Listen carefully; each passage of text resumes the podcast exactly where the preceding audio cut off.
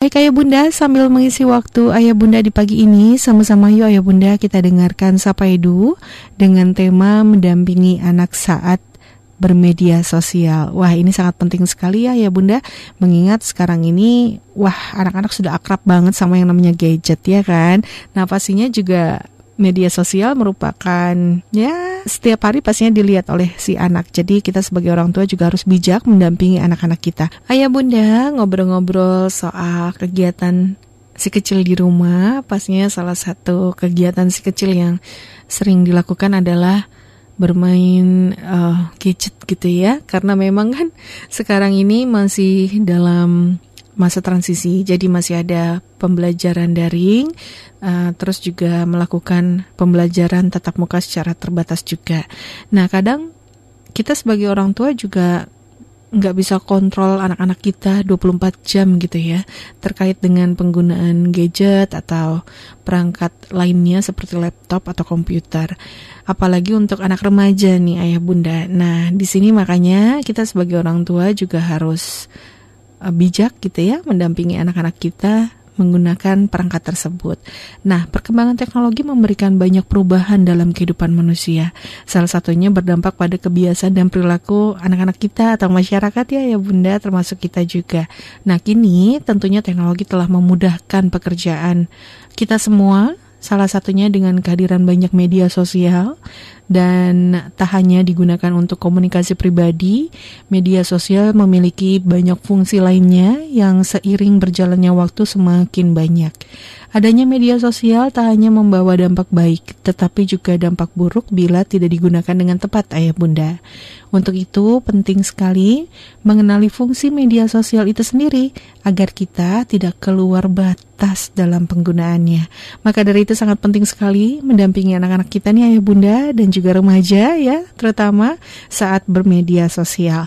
Ayah Bunda, anak yang akan memasuki media sosial seharusnya diberikan persiapan terlebih dahulu ya.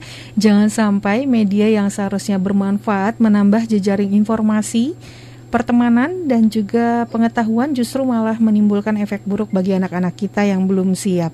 Untuk itu saat ini kami sudah bersama Ibu Maria Teresia Yeti Pudiantari MPD dari Balai Pengembangan PAUD dan Pendidikan Masyarakat Daerah Istimewa Yogyakarta. Halo, selamat pagi Ibu. Halo, selamat pagi Kak Anggi. Iya. Ayah Bunda, selamat pagi, selamat berjumpa, salam kenal, saya Yeti Pudiantari. Bu, bicara tentang peran orang tua nih dalam mendampingi anak-anak saat bermedia sosial. Wah, tentunya sangat dibutuhkan untuk memberikan batasan-batasan terkait dengan konten yang boleh atau enggak boleh diakses oleh anak-anak begitu ya. Namun hal ini menjadi dilema juga nih bagi para orang tua karena nggak mungkin 24 jam kita bisa mendampingi anak-anak kita. Nah, kira-kira apa sih Bu yang dimaksud dengan bermedia sosial itu, Ibu? Iya, hmm, jadi begini Kak Anggi. Mm -hmm dengan media sosial sebenarnya hmm. media sosial itu kan sebagai sarana untuk sosialisasi yeah. untuk berinteraksi hmm. tapi biasanya dilakukan secara online hmm. dan media sosial ini nampaknya memang sudah menembus batas menembus batas-batas jarak dan waktu. Mm-hmm. Jadi bisa dilakukan kapan saja, di mana saja, yeah. bahkan bisa dilakukan siang, malam, mm-hmm. antar negara, mm-hmm. antar benua dan seterusnya. Betul. Itu media sosial. Iya, jadi yeah. memang kita harus bijak ya sebagai orang tua, ayah bunda terkait dengan mendampingi mm. anak-anak kita nih saat menggunakan media yeah. sosial. Nah, kemudian apa ya Bu yang harus diperhatikan oleh orang tua nih dalam mendampingi anak-anak saat bermedia sosial karena mengingat uh, orang tua itu nggak bisa mendampingi 24 hmm. jam gitu ya istilahnya gitu iya betul uh, hal yang paling utama hmm. orang tua harus mengupgrade pengetahuannya terlebih dahulu iya kadang orang tua hanya sekedar melarang, mm-hmm. tidak membolehkan anak untuk uh, apa namanya membuat akun ini itu, tetapi mm-hmm. orang tua tidak paham, sehingga yang paling utama adalah uh, mengupgrade pengetahuan orang tua tentang media sosial itu sendiri hmm. sehingga ketika nanti memberikan arahan kemudian mengkomunikasikan sesuatu yang uh, hal ini dilarang dan seterusnya itu nyambung antara orang tua dan anak uh, sebagaimana yang kita ketahui kalau anak-anak sekarang itu kan uh, mereka memang digital natif ya jadi ketika hmm. mereka lahir itu mereka hmm. sudah apa namanya sudah berdampingan erat dengan uh, dunia media gitu ya, yeah. dunia media, mm-hmm. dunia digital. Mm-hmm. Sementara untuk orang tua itu kan, uh, misalnya saya itu kan uh, imigran digital gitu loh. Mm-hmm. Jadi ketika saya lahir, saya belum dikenal dengan media sosial dan seterusnya. Maka uh, menurut saya yang paling utama adalah orang tua harus belajar terlebih mm-hmm. dahulu. Mm-hmm. Jadi ketika uh, kita tidak membolehkan anak untuk bermain Facebook, yeah. kemudian membuat akun apa namanya Instagram dan sebagainya, orang tua mm-hmm. harus paham dulu apa itu Facebook, apa itu Instagram. Mm-hmm. Dan yang paling utama orang tua juga uh, jangan sungkan-sungkan untuk mm-hmm. membuat akun media sosial paling tidak memantau dari situ. Karena ya mm-hmm. disampaikan kita, kita tidak mungkin mendampingi yeah. anak selama apa ya 24 jam mm-hmm. gitu ya. Karena mungkin ada orang tua yang bekerja yeah, dan seterusnya. Mm-hmm. Ya. Dan uh, orang tua juga harus terbuka dengan orang tua lainnya barangkali. Mm -hmm. Kalau misalnya dia tidak bisa mengawasi anak, mm -hmm. kalau kita apa namanya sering berbincang dengan orang tua yang lain, iya. ah, nanti tolong diingatkan ya atau diinformasikan ya kalau mm -hmm. kalau misalnya anak saya status yang tidak uh, apa namanya tidak elok dan seterusnya ini bisa dikomunikasikan sehingga bisa saling membantu. Iya. Karena uh, saya dan juga Kak Anggi pasti meyakini tidak mm kita tidak bisa melakukan sendiri tanpa Mm-hmm, betul sekali. Nah, menurut mm-hmm. Ibu nih, perlukah anak-anak bermedia mm-hmm. sosial dan sebaiknya usia berapa anak dapat bermedia sosial? Mungkin usia yang aman begitu ya bagi anak bisa uh, menggunakan media sosial ini. Silakan Ibu. Iya, uh, saya katakan sebagian besar ya Kak mm-hmm. ya. Saya katakan sebagian besar media sosial itu membatasi anak untuk memiliki akun di usia 13 tahun. Mm-hmm sebagaimana kita ketahui bahwa anak usia 13 tahun itu kan uh, mereka sedang ini ya uh, hormonalnya itu sedang hmm. bertumbuh gitu ya. Kemudian uh, mereka juga sudah mulai ada tertarikan dengan lawan jenis. Hmm. Kemudian mereka uh, mencari jati diri, Betul. sedang mencari jati diri hmm. gitu ya. Sehingga ketika dia belum uh, eh, 13 tahun hmm. itu masih di kematangannya. Namun hmm. meski demikian uh, beberapa ahli itu uh, menseyogiakan hmm. anak-anak yang memiliki akun media sosial itu paling tidak ya kalau bisa yang berusia 17 tahun. Artinya hmm. memang mereka sudah siap gitu. Nalarnya hmm. sudah siap. Iya. Ketika mereka akan memasuki uh, dunia baru ya. Jadi uh, kalau saya juga sepakat gitu ya. Tetapi untuk masa pandemi ini kan kita tidak mungkin Betul. membatasi anak misalnya -huh. oh 13 tahun, uh -huh. 17 tahun dia harus apa namanya dia baru boleh gitu ya. Uh-huh. Meskipun angka itu kan bisa dipalsukan ya betul, Kak Ali ya. Betul. Angka itu kan bisa dipalsukan ya. Yeah. Tetapi kan yang paling utama adalah kematangan uh-huh. mental, kematangan fisik gitu. Karena ketika bermedia sosial anak-anak pasti uh, apa namanya berhadapan dengan banyak orang Betul. dengan berbagai sikap dan perilaku mm-hmm. itu yang harus disiapkan. Mm-hmm. Nah kemudian uh, perlu tidaknya ya memang kalau menurut saya disesuaikan dengan kebutuhan anak itu sendiri. Yeah. Kalau masa pandemi seperti ini, mm-hmm. anak-anak kan memang butuh media sosial Mm-hmm. untuk mengunggah tugas-tugasnya, mm-hmm. kemudian uh, hashtag di kelasnya dan seterusnya mm-hmm. agar para pendidik para guru itu lebih mudah uh, memberikan penilaian dan seterusnya. Masing-masing juga harus memiliki email dan seterusnya. Mm-hmm. Uh, tergantung dari kebutuhan anak, tetapi juga harus tetap dalam pendampingan uh, orang tua. Yeah. Dan orang tua juga harus memastikan apakah mm-hmm. komunikasi yang dibangun dengan anak uh, sudah baik belum. Kalau mm-hmm. misalnya komunikasinya yang dijalin dengan anak itu belum baik, yeah. perbaiki dulu Betul. Sehingga nanti ketika mendampingi anak-anak, hmm. memberikan masukan, yeah. kemudian apa namanya kritikan, saran hmm. pada anak-anak itu uh, jalannya lebih smooth gitu, Betul. tidak terkesan uh, orang tua menghakimi, kemudian uh, tiba-tiba melarang dan hmm. seterusnya. Kalau komunikasi itu dibangun uh, dengan baik. Begitu Kak Anggi. Iya, baik. Memang betul sekali ya, sahabat edukasi dan ayah bunda, saat ini kita nggak bisa bilang enggak untuk bermedia sosial karena hmm. untuk pembelajaran hmm. daring aja kita memerlukan media sosial gitu ya untuk uh, Bapak Ibu guru memberikan materi begitu atau mungkin untuk mengumpulkan tugas kita perlu yang namanya media sosial. Jadi memang uh, kurang lebihnya sangat dibutuhkan untuk saat ini. Jadi bagaimana caranya sekarang uh, tugas kita sebagai orang tua bisa bijak mendampingi anak-anak kita untuk bermedia sosial ayah bunda. Jadi banyak sekali cara yang bisa ayah bunda hmm. lakukan dan betul sekali apa yang dikatakan Ibu Yeti, kita sebagai orang tua harus terus belajar ayah bunda. Jangan pernah uh, bilang capek, lelah gitu ya. Karena yang namanya ilmu itu apalagi kita sebagai orang tua ya ilmu parenting terutama ini sangat dibutuhkan oleh anak-anak kita apalagi untuk anak-anak usia dini begitu. Nah Bu terkait dengan yang namanya mendampingi anak-anak untuk bermedia sosial nih. Mungkin Ibu ada tips bijak mendampingi anak saat bermedia sosial itu seperti apa? Silakan Ibu. Ya, yang paling utama mm-hmm. kita bangun dulu komunikasi. Mm-hmm. Ketika komunikasi itu terjalin antara orang tua dengan anak yeah. secara baik, mm-hmm. terbuka gitu ya. Mm-hmm.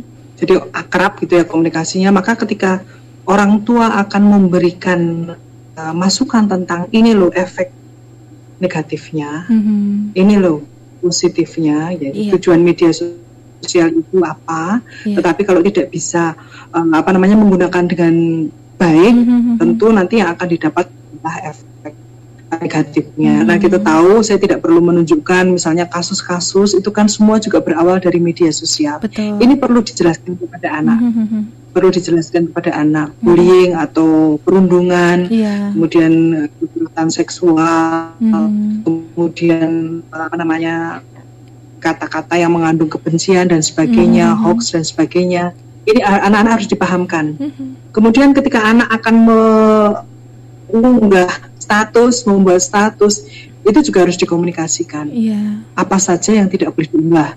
Jadi misalnya kata-kata yang tidak pantas, mm-hmm. kemudian uh, barangkali keluhan-keluhan yang sebenarnya hanya boleh didengar oleh orang tua, mm-hmm. untuk keamanan, asiknya di rumah sendiri atau apa gitu.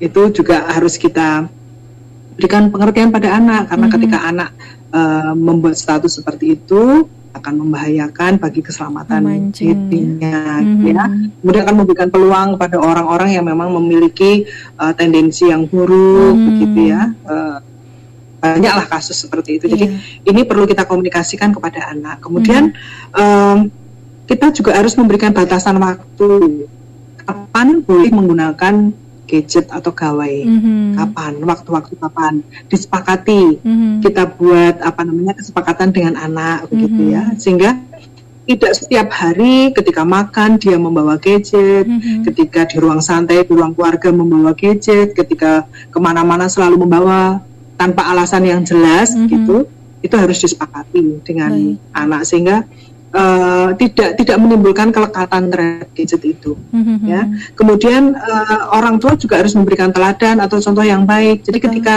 kesepakatan itu sudah dibangun mm-hmm. ketika makan orang tua juga sibuk sendiri dengan HP-nya yeah. ketika makan di luar padahal uh, apa namanya misalnya acara keluarga, mm-hmm. acara ulang tahun, Betul. tapi semuanya sibuk, mulutnya diam, tetapi uh, apa namanya jaring menarik gitu ya uh, disepakati dengan anak gitu. Yeah. Uh, kemudian uh, apa namanya uh, kontrol untuk privasi akunnya.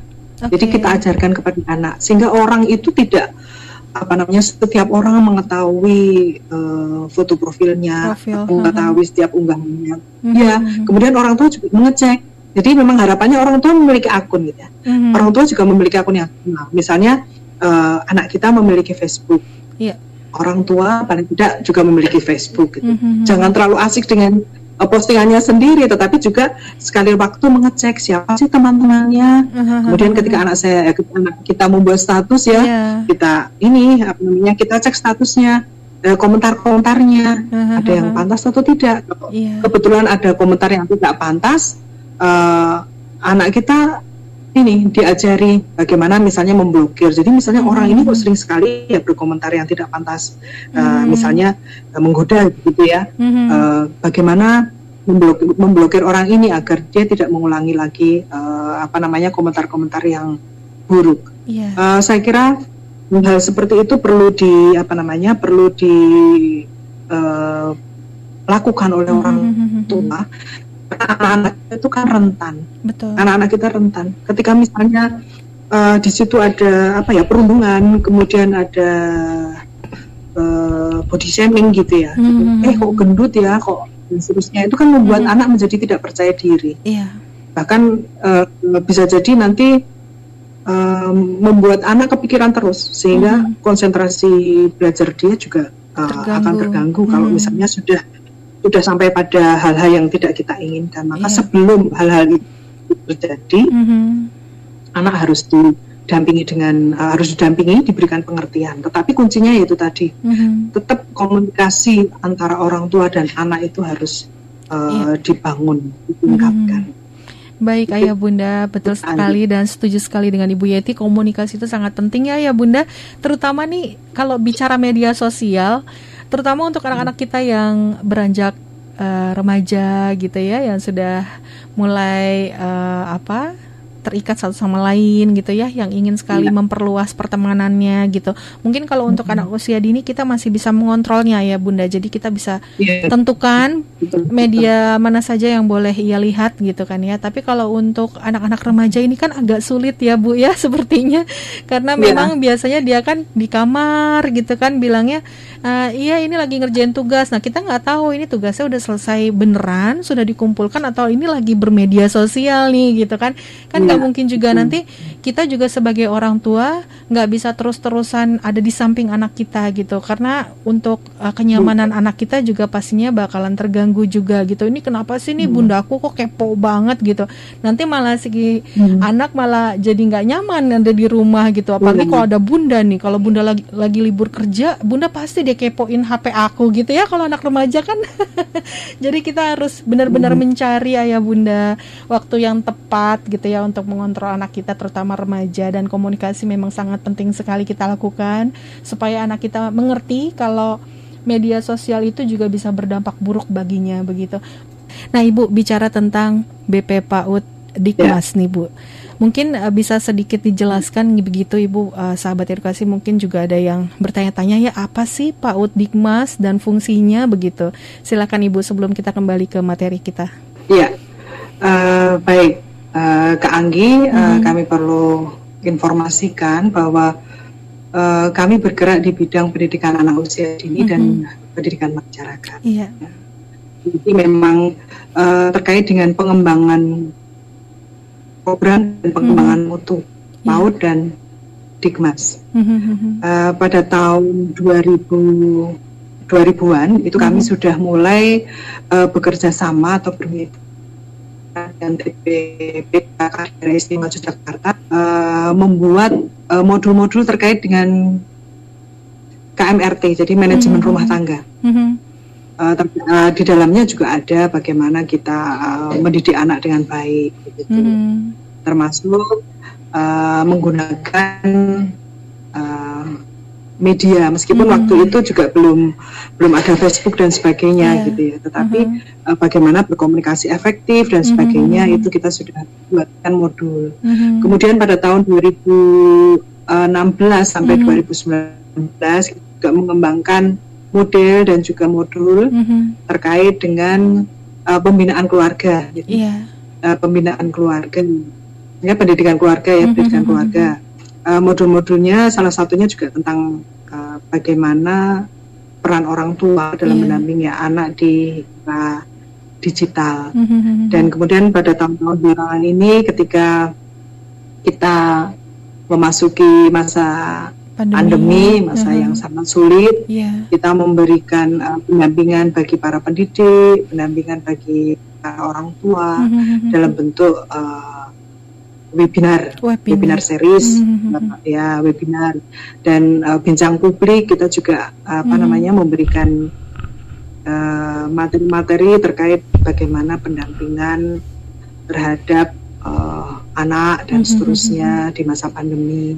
Masuk di dalamnya kita juga pernah uh, menyelenggarakan tentang bagaimana uh, ketika orang tua harus mendampingi anak mm -hmm. yang sekarang diperhadapkan dengan media sosial Betul. karena ini merupakan permasalahan pengasuhan bagi kita. Mm -hmm. Jadi kalau orang tua tidak bisa mengasuh dengan baik, maka mm -hmm. yang akan mengasuh adalah media sosial. Iya. Ya kurang lebih seperti itu Kak. Iya baik. Jadi memang sangat uh, luar biasa sekali fungsinya ya Bapak Ibu. Hmm. Jadi uh, memang sangat diperuntukkan gitu ya, terutama untuk pendidikan masyarakat dan juga anak usia dini begitu terkait dengan parenting hmm. juga gitu ya, peran orang tua ya. dan juga peran sekolah mungkin ya untuk mendampingi putra putri kita belajar. Ya, gitu. ya kurang lebihnya seperti itu. Baik. Nah saat ini mungkin banyak orang tua yang merasa cemas melihat anak-anak selalu sibuk dengan media sosial begitu, terutama untuk anak usia remaja nih. Saat ini berinteraksi uh, di media sosial bagi remaja memang merupakan kegiatan yang paling diminati. Hanya sebagai orang tua kita perlu mendampingi anak-anak kita agar dapat bijak bermedia sosial ayah bunda. Nah mungkin ibu bisa menjelaskan apa saja sih dampak yang bisa saja terjadi gitu ya akibat aktif dalam bermedia sosial ibu silakan. Iya, terima kasih Kak Anggi. Mm -hmm. uh, jadi kalau kita berbicara tentang bahaya, mm-hmm. ketika anak ya anak sudah lekat gitu. Jadi ada kelekatan antara anak dengan uh, gadget mm-hmm. atau media sosial. Mm-hmm. Kemudian uh, tugas-tugasnya juga terbengkelai. Mm-hmm. Kemudian uh, dia juga merasa uh, sudah puas dengan dirinya sendiri, jadi mm-hmm. antisosial. Mm-hmm. Ini yang menurut uh, saya yang harus menjadi apa namanya harus menjadi perhatian yeah. kita semua. Mm-hmm. bahaya itu muncul ketika anak sudah lekat, jadi sudah adiktif, mm-hmm. gitu ya terhadap media sosial, tidak bisa lepas dari media sosial. Yeah. Namun begitu uh, dalam kesehatan ya uh, saya membaca beberapa artikel mm-hmm. kalau anak terlalu lekat dengan media sosial mm-hmm. itu uh, terganggu kesehatannya okay. baik secara fisik maupun secara mental mm-hmm. itu akan sangat terganggu. Mm-hmm. Yang pertama yang jelas mata. Yeah. Yang jelas. Yeah. Ketika dia menggunakan smartphone, kemudian melihat mm-hmm. sesuatu yang tidak nyata, kecil, tidak sesuai dengan ukurannya, mm-hmm. itu akan sangat mengganggu kesehatan matanya. Mm-hmm. Gitu ya Kemudian masalah tidur. Jadi karena biasanya juga menjadi kebiasaan ketika mau tidur membuka HP dulu hmm. sambil melihat status teman, chat yeah. teman dan seterusnya. Kemudian barangkali kita melihat tayangan-tayangan eh, tayangan-tayangan yang barangkali apa tayangan horor atau tayangan yang mengerikan dan mm -hmm. seterusnya. Ini akan membuat anak juga susah tidur. Okay. Selain apa namanya eh, jam tidurnya akan akan terganggu, terganggu. karena hmm. dia berpikir apa namanya berpikir tentang apa yang tadi sudah dilihat. Hmm. Ih, ngeri banget ya terjadi pada temanku atau aku gimana ya yeah. jadi apa namanya menjadi menjadi susah tidur. Hmm. Kemudian konsentrasi juga akan terganggu, ini, terganggu juga pak. Mm-hmm. Konsentrasi juga akan terganggu. Jadi memiliki efek eh, digital itu memiliki efek uh, mengubah perhatian, mengubah hmm. perhatian hmm. anak. Ini yang uh, perlu mendapat perhatian kita semua. Kemudian yeah. kalau misalnya kita sudah lekat, maka prestasi hmm. belajar anak juga pasti akan terganggu karena hmm. mereka lebih tertarik dengan media sosial. Hmm. Jadi sekarang anak itu uh, apa namanya lebih banyak bermedia sosial daripada uh, belajar karena hmm. itu lebih lebih menarik baginya daripada mm-hmm. uh, belajar misalnya seperti itu itu akan sangat mm-hmm. mengganggu mm-hmm. kemudian secara fisik juga akan sangat mempengaruhi karena ketika kita sedang asik-asiknya membuka gadget begitu mm-hmm. kemudian meskipun haru meskipun haus ditahan mm-hmm. lapar ditahan Betul. ingin ke belakang ditahan. ditahan nah ini juga menyebabkan hal yang tidak sehat gitu. yeah. mestinya waktu makan siang dan ya, tapi lagi asik-asiknya ini hmm. gitu makanya uh, namanya ini juga perlu menjadi perhatian kita bersama hmm. kemudian uh, secara sosial karena mereka sudah merasa punya teman banyak tetapi di dunia maya yeah. maka jadi anak itu tidak membutuhkan pertemanan lagi gitu ya mm-hmm. secara secara nyata dia sudah merasa puas aduh teman di Facebookku sudah lima ribu nih gitu. hmm. sudah lima ribu lima ribu tetapi mungkin uh, dia tidak memiliki teman di di lingkungan sosialnya hmm. sehingga sosialisasinya akan akan terganggu hmm.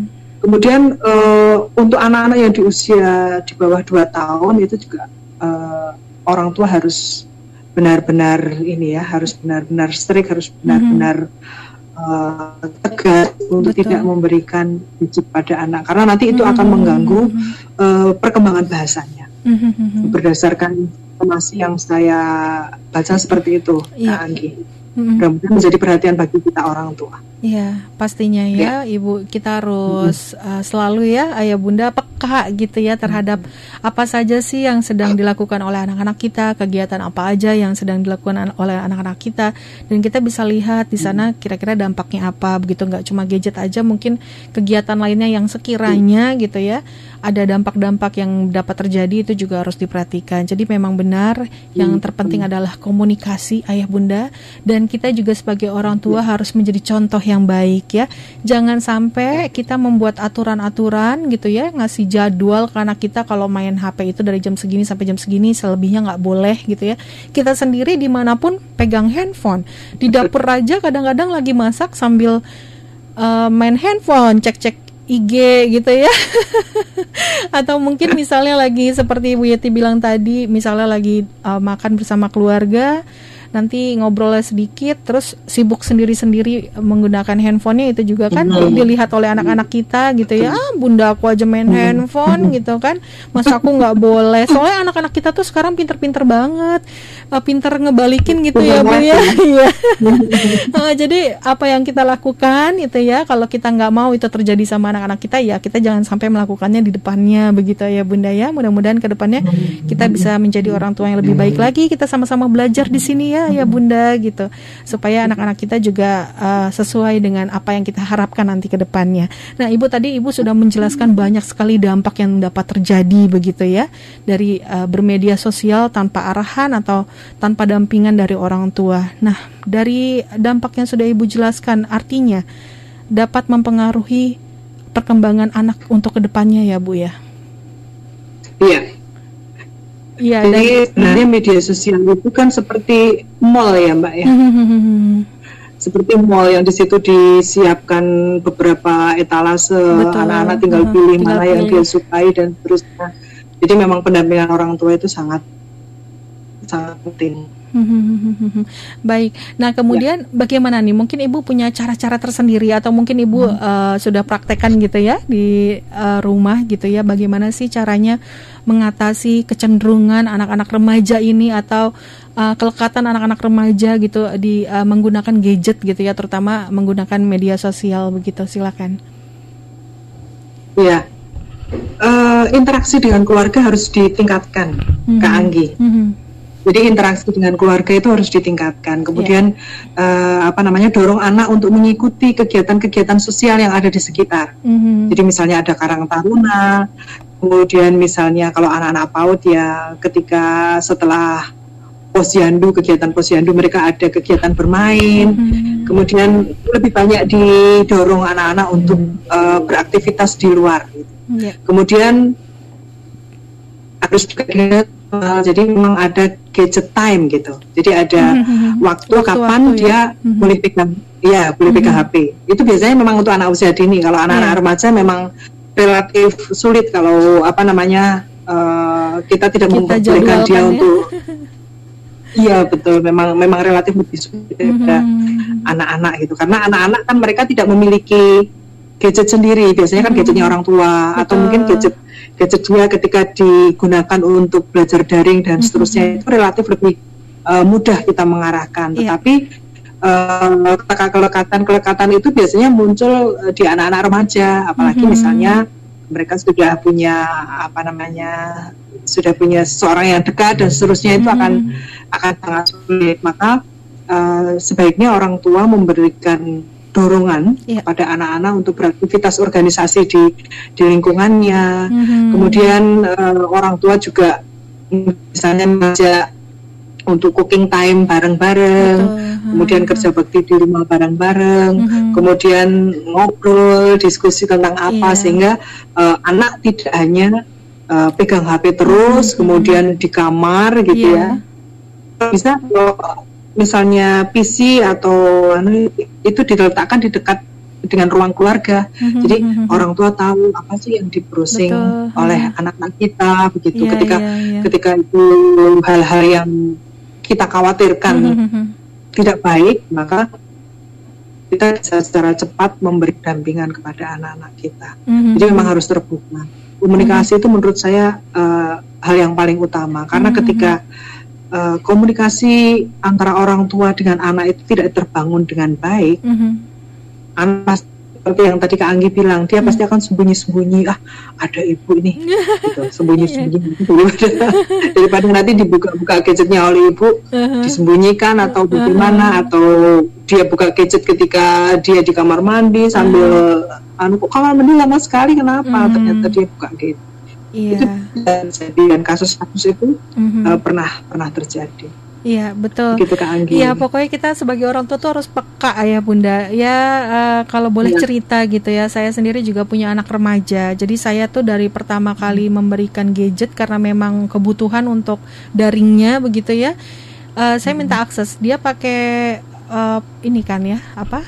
Pakai sidik jari begitu kalau mau buka handphonenya ya itu saya minta iya. akses yeah. gitu jadi minta aksesnya itu juga kita jangan bilang biar aku bisa cek HP kamu itu isinya apa aja jangan gitu juga ya bunda karena uh, mereka merasa nggak yeah. punya privasi gitu kan dia merasa nggak nyaman juga hmm. kalau bunda langsung ngomong kayak gitu tapi aku lebih bilangnya tuh kayak uh, takutnya nanti uh, kakak lupa passwordnya atau nanti kakak lagi nggak ada di rumah jadi minta akses juga pakai sidik jari kita atau mungkin dikasih ya. tahu passwordnya tuh apa seperti itu kurang lebihnya ya bunda dan mungkin betul sekali apa yang dikatakan ibu Yeti kita sebagai orang tua tuh harus benar-benar putar otak setiap hari ya kita bikin kegiatan di rumah gitu ya secara aktif ayah bunda aktivitasnya supaya uh, anak-anak kita nggak fokus sama gadget aja gitu. Jadi mungkin uh, fokusnya ketika mengerjakan tugas aja. Tapi selebihnya kita bisa berinteraksi sama anak-anak kita di rumah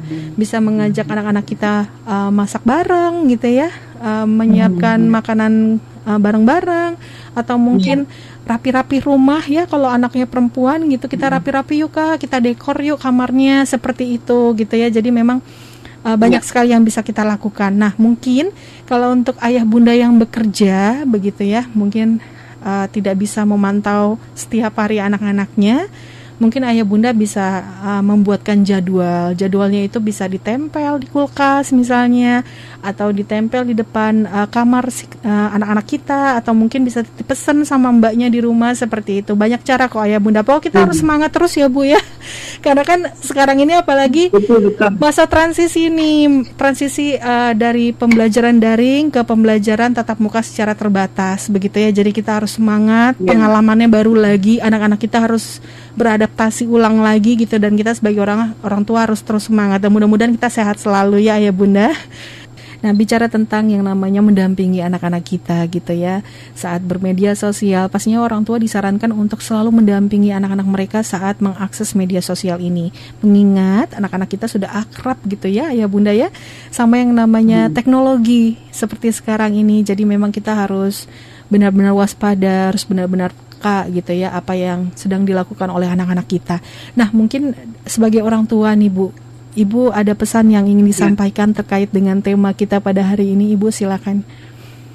Iya, uh, begini Kak Anggi, mm -hmm. mungkin yang saya rasakan dan juga orang tua yang lain, mm -hmm.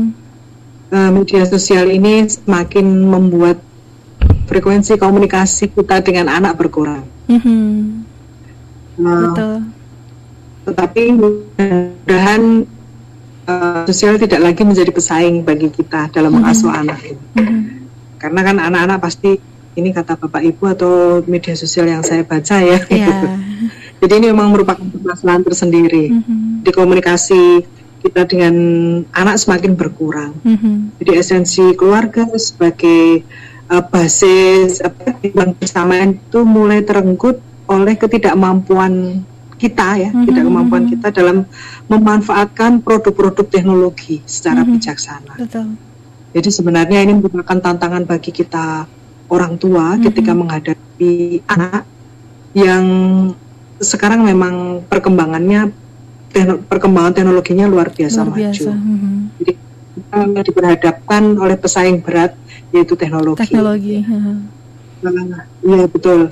Uh, saya tetap berharap anak-anak bisa berkembang di lingkungan aslinya yaitu keluarganya. Hmm. Jangan sampai anak-anak dibesarkan kita, ya, dibesarkan oleh media sosial. Gitu. Yeah.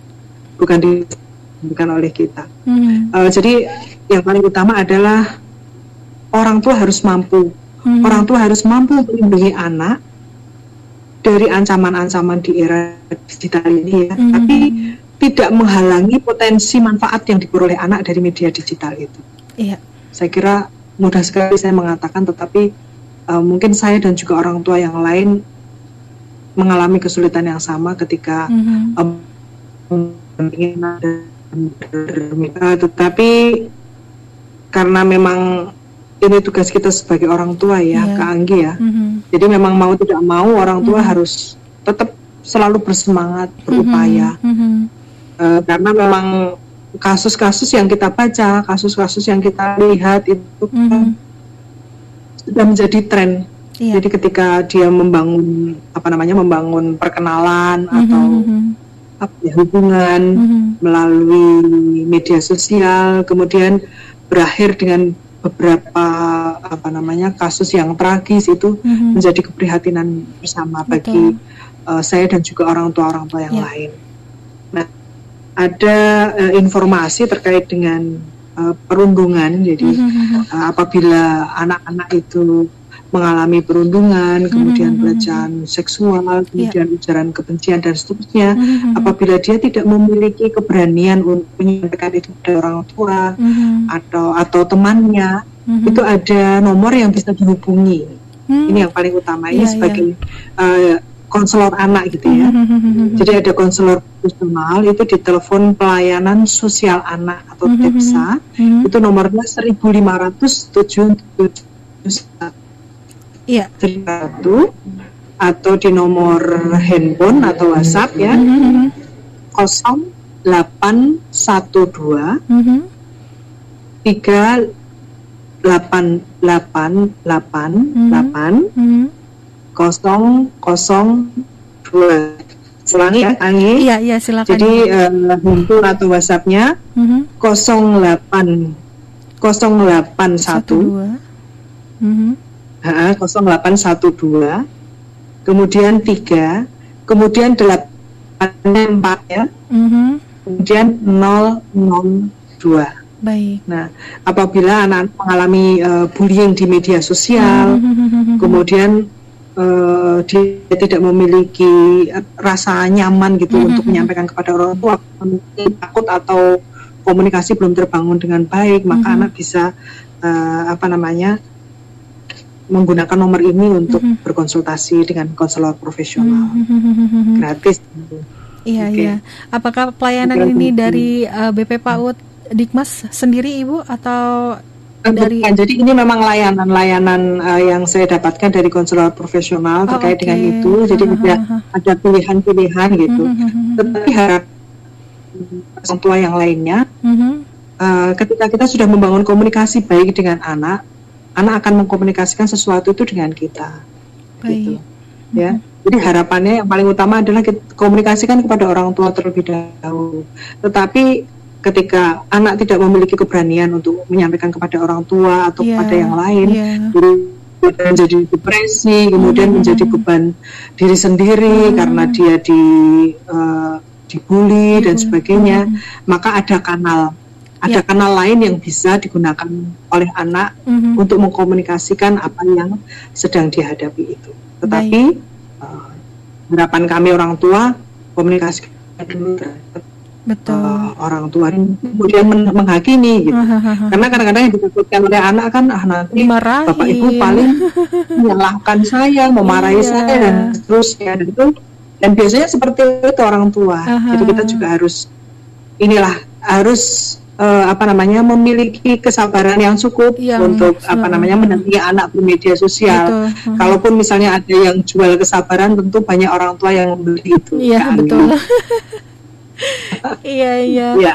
Betul sekali. Memang kita sebagai orang tua harus punya ekstra sabar yang luar biasa gitu ya. Ayah bunda kita juga harus terus belajar terkait uh, parenting untuk anak-anak kita, macam-macam gitu ya. Apalagi saat ini kan eranya sudah era digital. Jadi kita jangan kalah sama teknologi yang ya. harus kita uh, lakukan adalah kita selalu mendukung anak-anak kita apa pun yang dilakukannya, tapi kita juga harus memantau kegiatannya gitu ya, yang sekiranya akan berdampak buruk kepada anak-anak kita.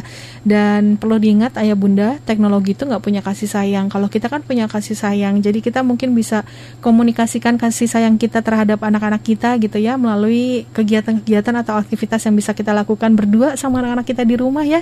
Itu adalah momen yang nggak bisa terulang loh ayah bunda ya, apalagi untuk anak usia dini Usia 1 sampai 5 tahun itu masa-masa otaknya itu bekerja uh, sangat pesat ayah bunda dan itu nggak bisa keulang lagi. Jadi kita bisa meluangkan waktu mungkin sedikit untuk eh, anak-anak uh, kita ya bunda walaupun itu cuma sekedar membacakan dongeng menemani anak-anak kita bermain gitu ya. Itu sangat luar biasa sekali bagi mereka ya bunda. Jadi kita bisa terus semangat ya ya bunda untuk menjadi orang tua yang lebih baik lagi ke depannya. Sama-sama belajar kita di sini.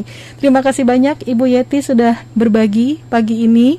Alhamdulillah Sama-sama. kita ya, mendapatkan banyak sekali informasi ya ya Bunda dari Ibu Yeti. Dan mudah-mudahan kita ke depannya bisa lebih baik lagi. Sekali lagi terima kasih banyak. Dan mudah-mudahan kita nanti bisa ngobrol-ngobrol lagi ya Bu Yeti ya dengan tema yang lebih menarik ya, lagi ya. Iya, terima kasih Silahkan. banyak. Assalamualaikum. Dan akhir kata saya ucapkan terima kasih atas perhatiannya. Wassalamualaikum warahmatullahi wabarakatuh.